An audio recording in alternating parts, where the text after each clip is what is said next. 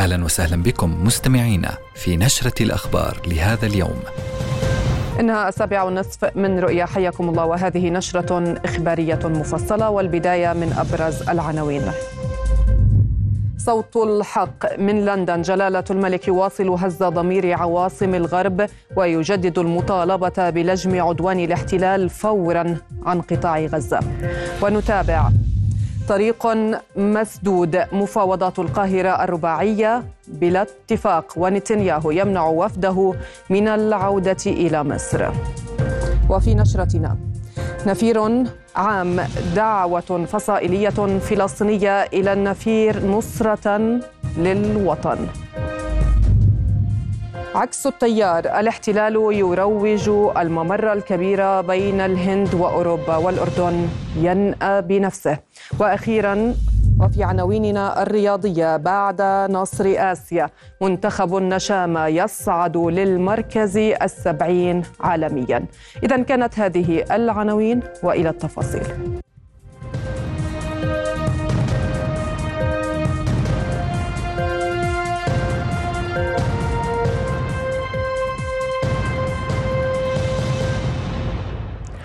أهلا بكم. وصل جلالة الملك عبد الله الثاني اليوم إلى العاصمة البريطانية لندن لإجراء محادثات مع رئيس الوزراء ريشي سوناك حول عدوان الاحتلال على غزة وآفاق تسوية القضية الفلسطينية. لندن هي المحطة الثالثة في جولة الملك بعد واشنطن وأوتاوا التي جدد فيها أمس المطالبة بوقف إطلاق النار في غزة بأسرع وقت ممكن. وأكد في لقائه مع رئيس الوزراء جاستن ترودو أهمية تخطي التحديات بالسرعة الممكنة وصولا إلى حل للصراع الفلسطيني الإسرائيلي بشكل نهائي. ومن المقرر أن يلتقي الملك في باريس غدا الرئيس الفرنسي إيمانويل ماكرون قبل توجهه إلى ألمانيا للمشاركة في مؤتمر ميونخ للأمن. وكان جلالته نفذ ثلاث جولات أوروبية بأبعاد أممية منذ اشتعال عدوان الاحتلال على غزة قبل 132 يوماً. لا اتفاق تهدئة بين حماس وتل أبيب حتى هذه اللحظة. هذه نتيجة مفاوضات القاهرة الرباعية غير المباشرة برعاية قيادات استخبارية وسياسية أمريكية ومصرية وقطرية. فوسط تضارب المعلومات بشأن أجواء هذه المفاوضات قرر رئيس حكومة الاحتلال بنيامين نتنياهو منع وفد حكومته من العودة إلى القاهرة اليوم لاستكمال مفاوضات كان من المفترض استمرارها حتى غد الجمعة. هذا وأعلن نتنياهو مواصلة الهجوم على مدينة رفح الملاذ الأخيرة للنازحين الفلسطينيين من شمالي القطاع ووسطه. وادعى نتنياهو صعوبة تحقيق أي تقدم في مفاوضات المخطوفين أو الأسرى إلا إذا سحبت حماس مطالبها التي وصفها بالخيالية. وذكرت هيئة بث الاحتلال أن اجتماعات القاهرة انتهت وسط إصرار حماس على موقفها بإنهاء الحرب على القطاع وهو ما لا تقبله تل أبيب. وكان الرئيس الفلسطيني محمود عباس طالب حماس يوم أمس بسرعة إنجاز صفقة تبادل الأسرى من أجل تجنب هجوم محتمل على مدينة رفح قد يسفر عن آلاف الضحايا. وسبق أن سادت تهدئة مؤقتة بين حماس وتل أبيب لأسبوع حتى الأول من ديسمبر أعقبت مفاوضات استخبارية مكثفة مماثلة في الدوحة. وتبادل الطرفان آنذاك أسرى ومحتجزون كما أدخلت أو أدخلت مساعدات إنسانية محدودة للقطاع المحاصر. دعت الفصائل الفلسطينية في بيان مشترك إلى حملة شعبية واسعة للمطالبة بوقف العدوان على قطاع غزة وإفشال مخطط الإبادة. كما دعت الفصائل أبناء الضفة والقدس والداخل إلى النفير العام والاشتباك والمواجهة مع الاحتلال ودعت إلى اعتماد غد الجمعة يوما عالميا لمناصرة الحق الفلسطيني. وطالبت الفصائل الحكومات العربية والإسلامية للتحرك العاجل وممارسة الضغط السياسي لوقف العدوان وأشادت بصبر وثبات الشعب الفلسطيني وأداء المقاومة البطولي. في اليوم الثاني والثلاثين بعد المئة من العدوان على غزة واصل الاحتلال الإسرائيلي شن غارات جوية عنيفة على منازل المدنيين والأحياء السكنية في شتى مناطق القطاع. مخلفا 78 شهيدا و104 مصابين في تسع مجازر خلال آخر 24 ساعة. هذا وبذلك ترتفع حصيلة الضحايا منذ السابع من أكتوبر إلى 28663 شهيدا و68395 جريحا وفق آخر إحصائية لوزارة الصحة في القطاع المنكوب. وخلال الساعات الماضية قصفت مدفعية الاحتلال مناطق متفرقة شمال القطاع. كما شن طيرانه غارات كثيفة استهدفت جنوب وشرق مدينة دير البلح ومخيم المغازي في خان يونس وشرق رفح مخلفة عشرات الشهداء والجرحى. وأوقعت غارة على منزل في مخيم الانصراط عشرة شهداء على الأقل بينهم أربعة أطفال وعشرات الجرحى. أما في شمال القطاع لا تزال حالة المجاعة آخذة في التفاقم بينما يمنع الاحتلال دخول المساعدات إلى المنطقة التي شهدت أهوال الدمار والقتل والغارات الوحشية في المراحل الأولى من الحرب. اقتحمت قوات الاحتلال الإسرائيلي مجمع ناصر الطبي في خان يونس وحولته إلى ثكنة عسكرية بعد هدم السور الجنوبي والدخول منه وسط إطلاق نار كثيف هناك. واستهدفت قوات الاحتلال مقر الإسعاف وخيام النازحين وجرفت المقابر الجماعية داخل المجمع الذي يشهد حصارا مشددا منذ 25 يوما. وأجبر الاحتلال ما تبقى من النازحين وعائلات الطواقم الطبية على النزوح القسري من مجمع ناصر الطبي فجر هذا اليوم تحت القصف والتهديد. وطلب الاحتلال من إدارة مجمع ناصر الطبي نقل كل المرضى بمن فيهم مرضى العناية المركزة والحضانة إلى مبنى ناصر القديم. وسط التكدس البشري الهائل في رفح جنوبي قطاع غزة جراء عمليات القصف المتواصلة تضطر عائلات إلى النزوح أكثر من مرة بحثا عن الأمان والإقامة بأماكن غير مخصصة لذلك.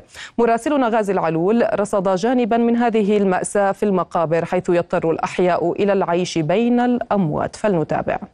بعد أن تقطعت السبل بآلاف العائلات الفلسطينية التي لم تعرف أين تذهب مع كل هذه الرحلات من النزوح بدءا من شمال القطاع وصولا إلى مدينة غزة من ثم النصيرات ومن آه، بعدها إلى خان يونس وأخيرا إلى رفح. هنا في منطقة تل السلطان غرب مدينة خان يونس. هذه هي المقبرة التي تعرف باسم مقبرة تل السلطان ويتواجد فيها ثلاثة آه، مقابر جماعية لشهداء من مجهولي الهوية خلال الأشهر الماضية دفنوا بالعشرات داخل هذه المقبرة. ولكن الغريب والعجيب في هذا المشهد هو أن الخيام خيام اللجوء والنزوح تتواجد بالقرب من هذه المقبرة. أي أن نتحدث عن أن عائلات فلسطينية بالفعل اختارت المقبرة مكانا للنزوح واللجوء إليها في ظل تهديدات الاحتلال المستمرة لهذه الحرب التي على ما يبدو بأنها ستطول إذا ما دخل جيش الاحتلال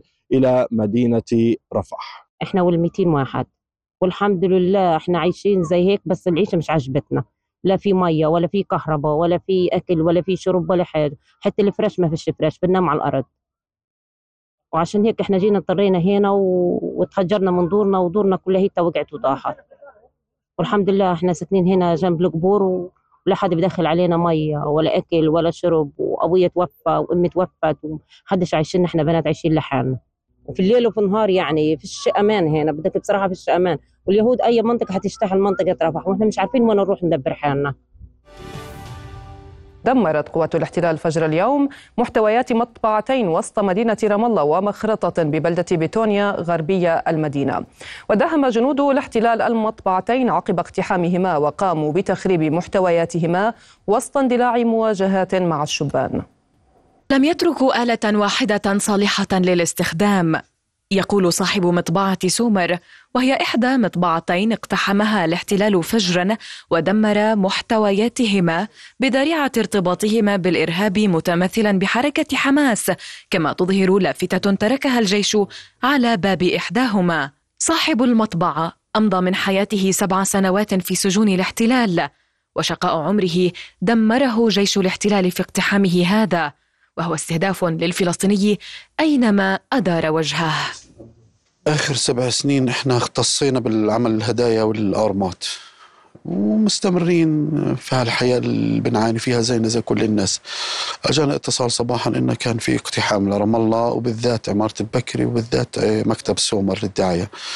جينا هنا لقينا معلقين أوراق اللي هو البند اللي بدهم اللي هو الإرهاب وما إرهاب ونحن من مصادرة الأملاك. فلقينا كل شيء هون بالمكتب محطمينه مكسرينه إيه ماخذين بعد آه، ماكينات طباعة وفي عندنا ماكينات أخرى بنجيبها للتجارة بغرض التجارة يعني. آه تقدير الخسارة تقريبا 150 ألف دولار. مكتب خدمات آخر كان هدفا للاحتلال الليلة. صاحبه أسير محرر أيضا. تقدر الأضرار التي سببها الاحتلال في مكتبه بأكثر من عشرين ألف شيكل من تحطيم للآلات وقطع أسلاكها ومصادرة ملفات التخزين الإلكترونية. اليهود هددوني أكثر من مرة في المطبعة وفي الرزق وموضوع تضييق علينا يعني. آه، لغاية اليوم اليوم بتفاجأ الصبح أن وجود قوات الاحتلال على المدخل العمارة وعلى المنارة. فبتصل في أحد الأشخاص بيحكي لي إنهم اقتحموا المطبعة عندك. جيت طبعا مباشرة لقيتهم مدمرين المواكن ومصادرين الهارد ديسكات ومخربين يعني معتمدين التخريب أكثر من المصادرة أو التفتيش. يعني مقطعين الأسلاك مقطعين مكسرين قطع مكسرين وماخذين الهارد ديسكات جميعها وقلبين المكتب يعني فوقاني تحتاني على قولة الناس. والحمد لله رب العالمين. خربوا عند جيراننا طبعا يعني خربوا أبواب خلعوا أبواب وكاميرات صادروها للجيران يعني بعد السابع من أكتوبر تصاعد استهداف الاحتلال للعديد من الشركات في الضفة الغربية بحجة دعمها وتمويلها لحركة حماس. إلى جانب استهداف الأسرى المحررين ومحاولة ربطهم بالحركة ثم إيقاع عقوبات آه. عليهم. نهج اشتدت وتيرته بعد السابع من أكتوبر فأصبح الاحتلال يهدم بيوت أسرى سابقين يحاول ربط أسمائهم بالحركة أو يصادر ممتلكاتهم. أو يعيد اعتقالهم. من رام الله المحتلة أسيل سليمان رؤيا.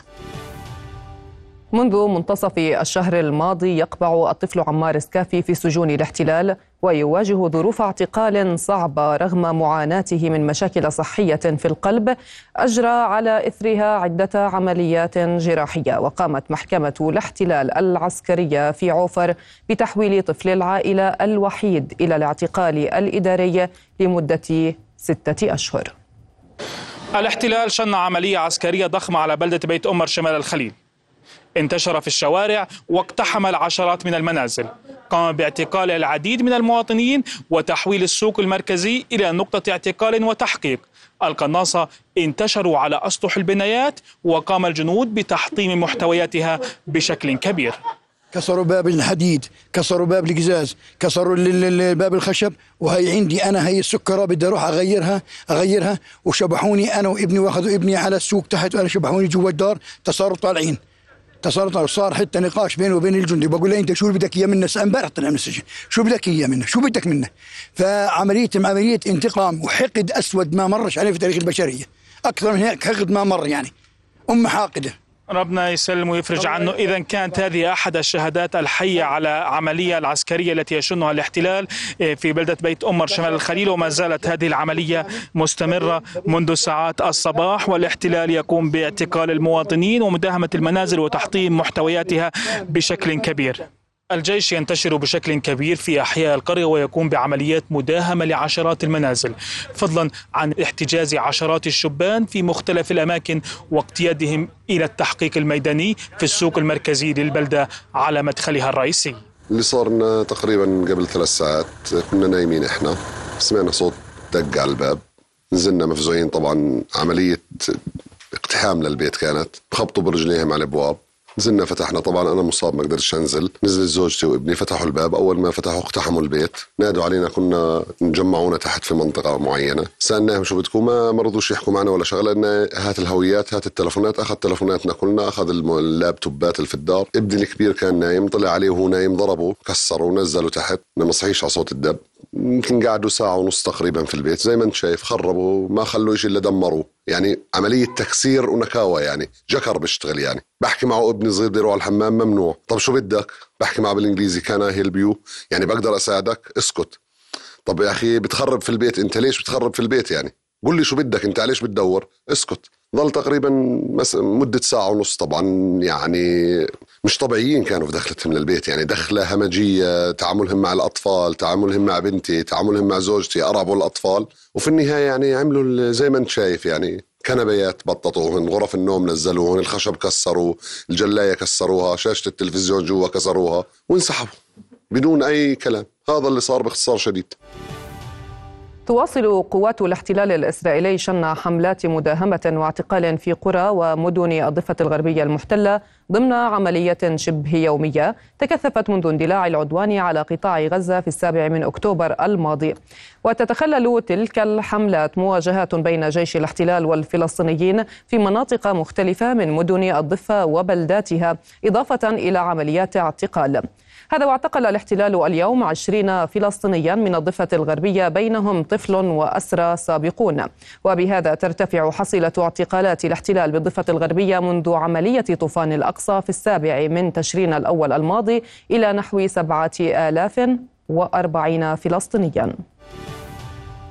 إلى آخر التطورات على الساحة الاقتصادية والزميل حمدان عايش. مساء الخير حمدان. مساء الخير أخلص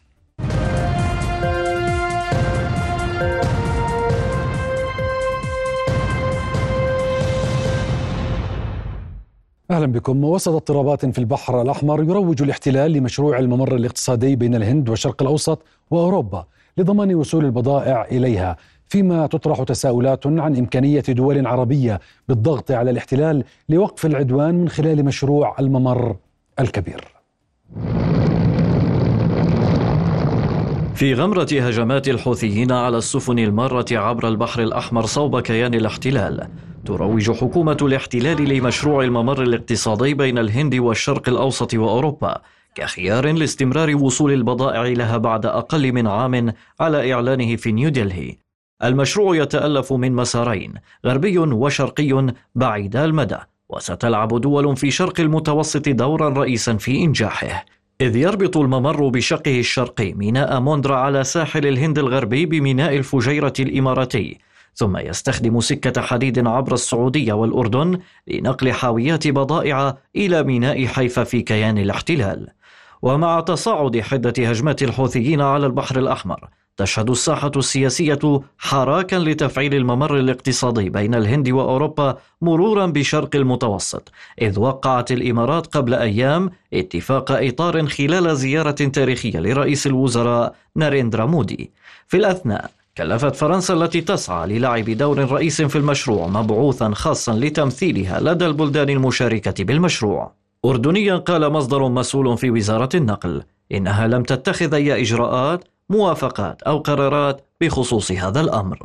في أيلول سبتمبر 2023 أعلن الرئيس الأمريكي جو بايدن من الهند إطلاق ما وصفه بمشروع الممر الكبير بين الشرق الأقصى وأوروبا وذلك في مواجهة المارد الاقتصادي الصيني المتمدد عبر العالم. ووقعت الهند آنذاك اتفاقا مع الإمارات والسعودية والاتحاد الأوروبي وفرنسا وإيطاليا وألمانيا والولايات المتحدة.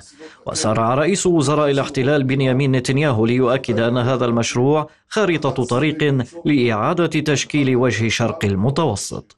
واليوم هل تقتنص دول عربية المشروع كورقة ضغط لوقف العدوان على قطاع غزة وتجنيب المنطقة الحلقة البحرية البرية الأهم في المشروع اتساع نطاق الصراع. تواصل أمانة عمان تنفيذ حملاتها على وسط البلد لإزالة المخالفات المرورية من قبل المحال التجارية. ونفذت كوادر أمانة عمان بالتعاون مع الأجهزة الأمنية حملة في منطقة سقف السيل في وسط البلد لإزالة البسطات التي رافقها احتجاج من أصحاب المحال الذين حاولوا منع جرافات الأمانة من العمل. وهذه هي الحملة الثانية أو الثالثة منذ بداية العام لإزالة البسطات والمظلات المخالفة والمنتشرة بشكل عشوائي في الشوارع والتي تسبب إعاقة حركة المشاة وأزمات مرورية من شأنها التأثر سلبا أو التأثير سلبا على الحركة التجارية في المنطقة.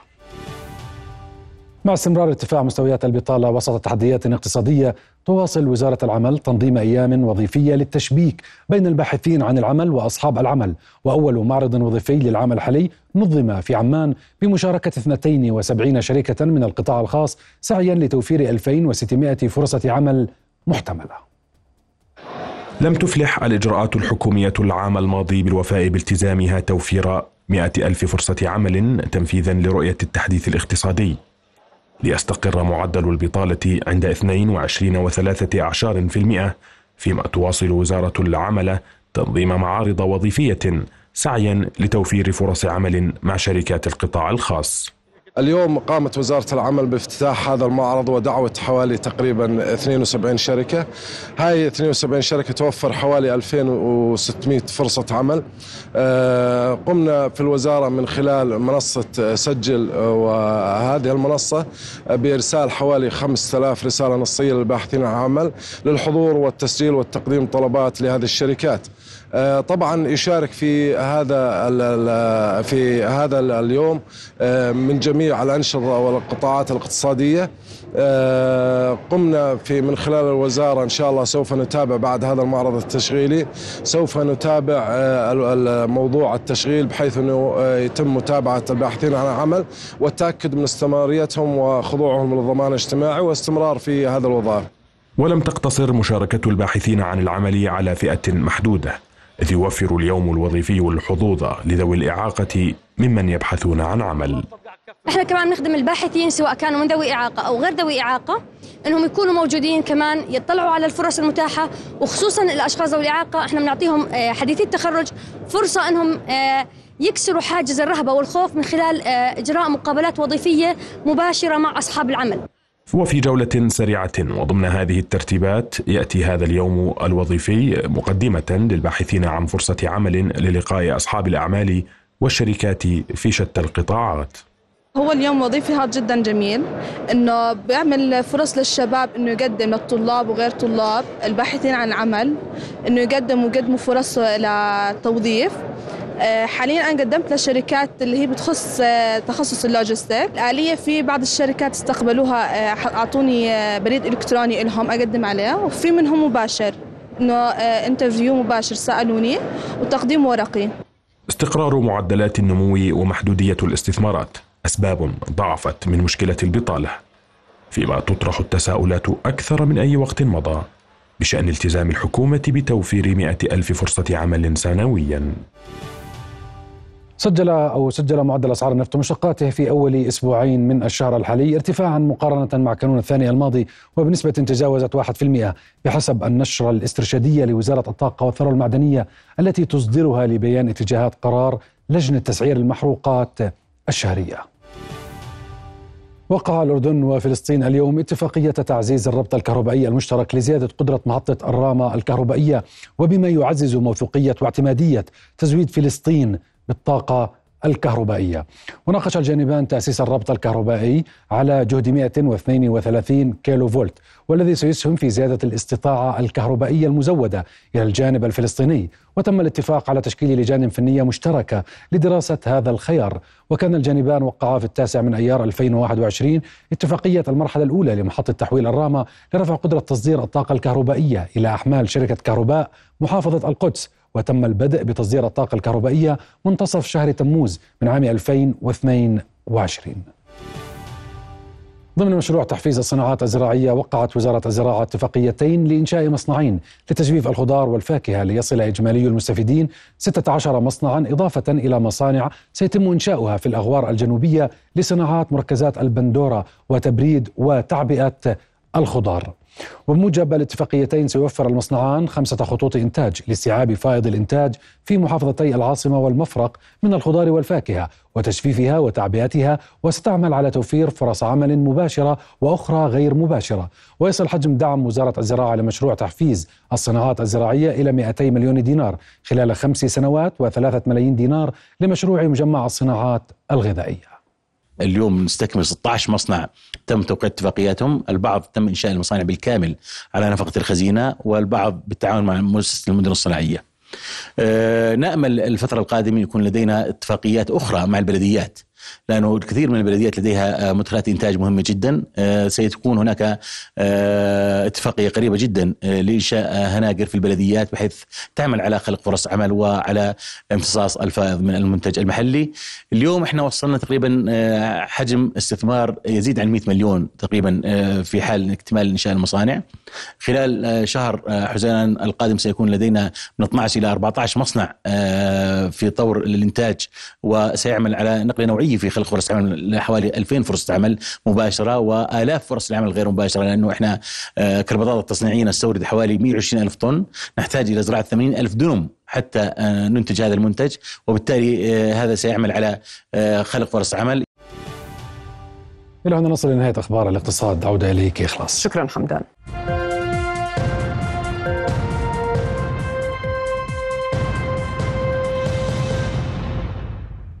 أهلا بكم من جديد وإلى أخبارنا المحلية حيث نظمت لجنة العمل الوطني في مخيم إربد ودائرة اللاجئين الفلسطينيين عودة وقفة احتجاجية تنديدا بالعدوان على قطاع غزة ووقف المساعدات عن وكالة الأونروا.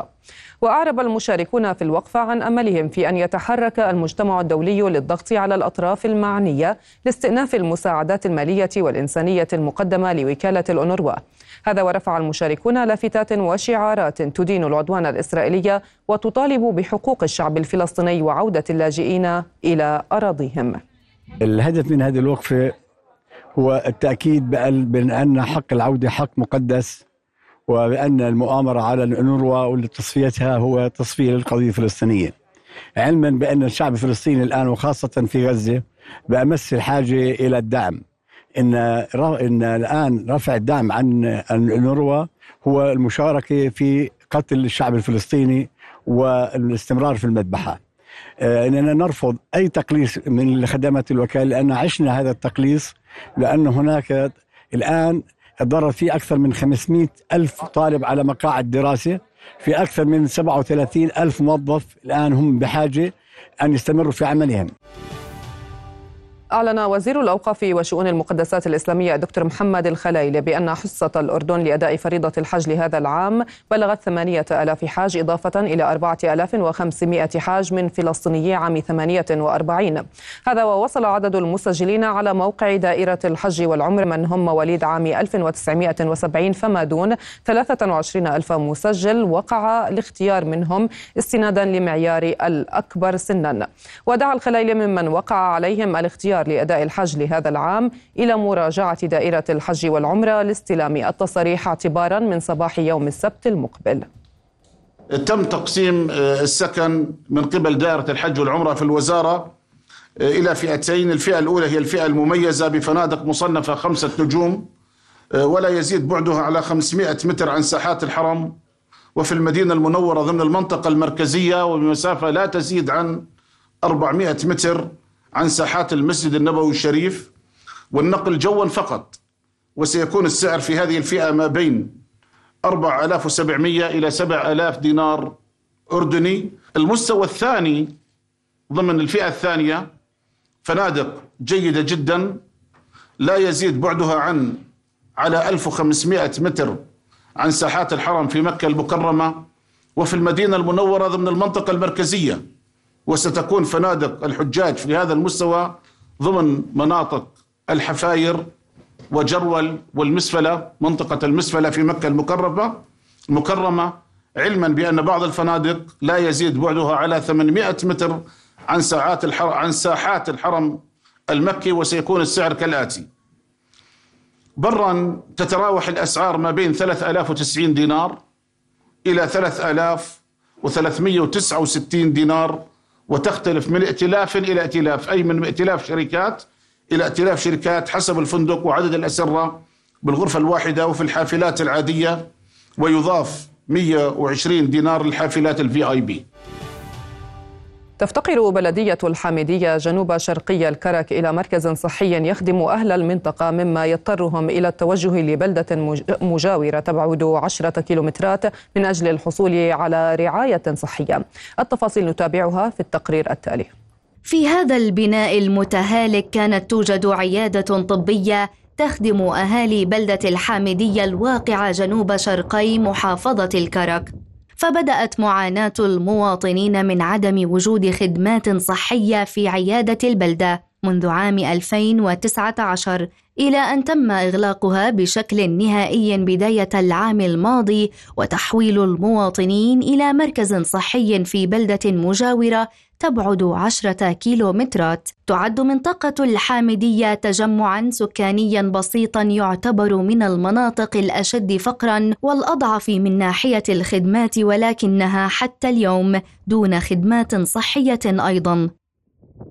مظل الهيايسة أحد سكان بلدة الحامدية يؤكد أن المركز الصحي مهجور ولم يزر البلدة أي مسؤول منذ عام 2019 وينفي وجود خدمات صحية. وقال نقلوا العلاجات الخاصة بالمركز إلى مدينة محي وتلقينا وعدا بإعادة إنشاء مركز جديد وتزويده بالعلاجات اللازمة ولكن لم يحصل ذلك لغاية اللحظة. والله أقدر أقول لك ما في أي خدمات ولا في أي اطلاعات على الخدمات. ولا في أي مسؤولين زارونا مشان الخدمات ولا أي واحد جانا منشود إلا أنت. عندنا المركز الصحي هذا يمكن مهجور من 2019 بعدين قاموا عليه وحملوا العدة كاملة علاجات كاملة وكفتوها روحوها على محي. أبنائهم يجددوا العلاجات ويظبطوا لنا المركز ويظبطوا شو. ما عاد لا مركز ولا علاجات ومن هذاك اليوم لهذا اليوم.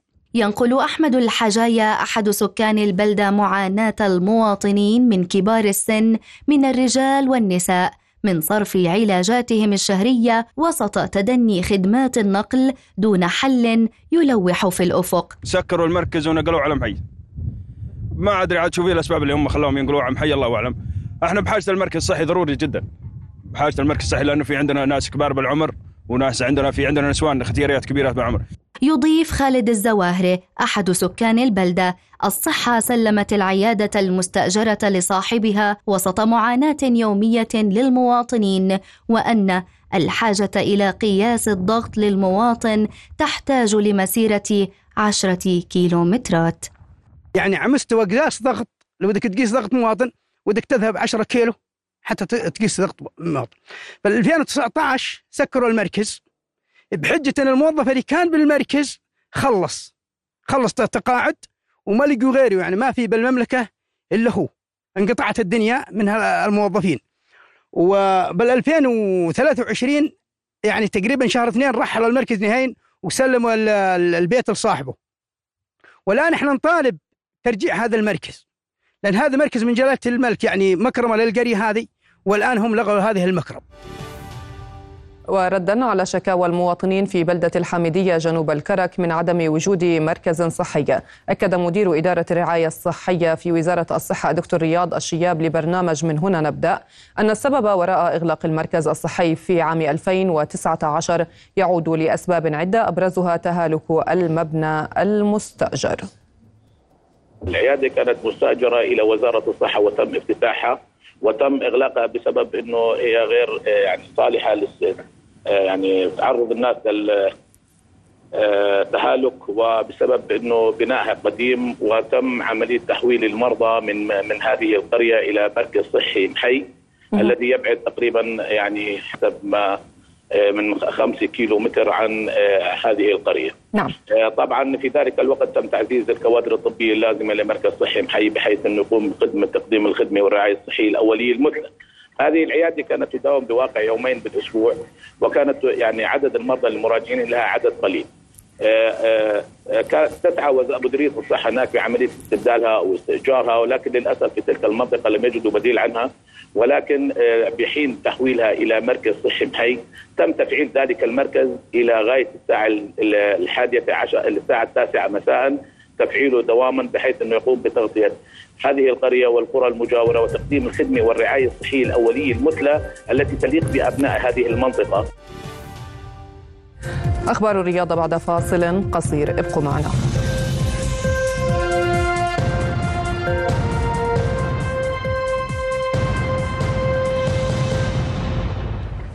والآن ننتقل إلى الزميلة سميحة مجدلوية وآخر أخبار الرياضة. مساء الخير سميحة. مساء الخير إخلاص. أهلا بكم. صعد المنتخب الوطني الأول لكرة القدم 17 مركزا على التصنيف الدولي للمنتخبات الوطنية والصادر عن الاتحاد الدولي صباح اليوم. التفاصيل في التقرير التالي. لم تتوقف المكاسب المتحققة من المشاركة الأردنية التاريخية في كأس آسيا ولا زالت الأخبار السعيدة تتواصل على منتخب النشامة.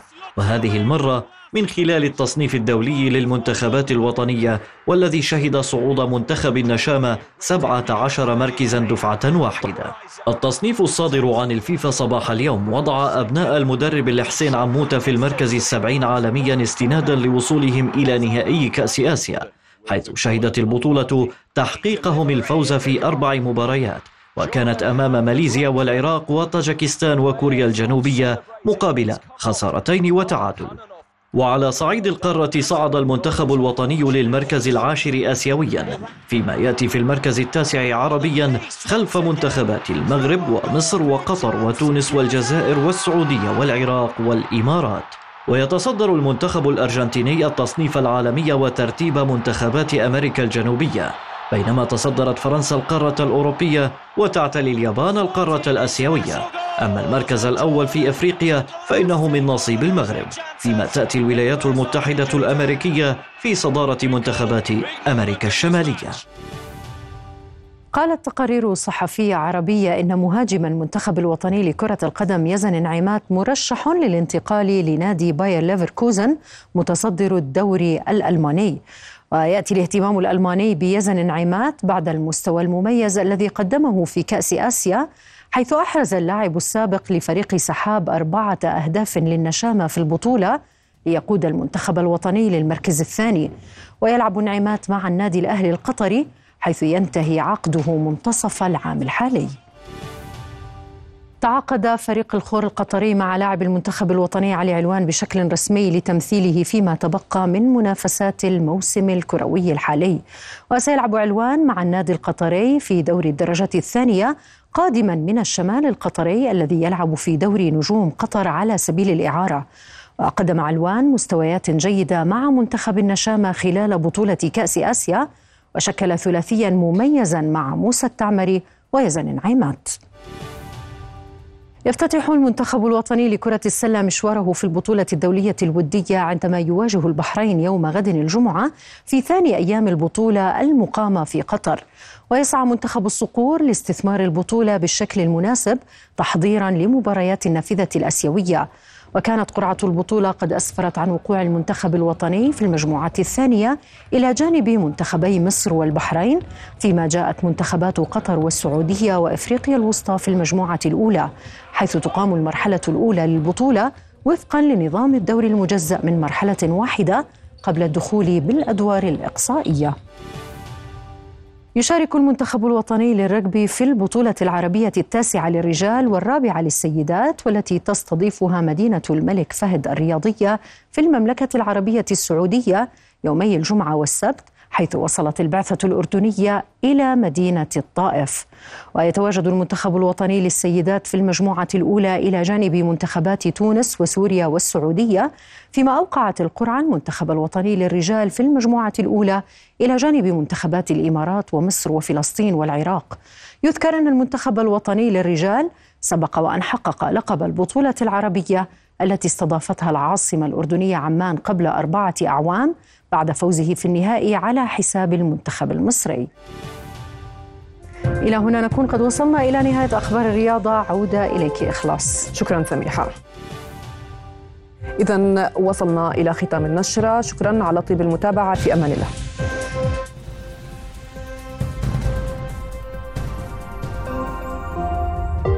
رؤيا بودكاست.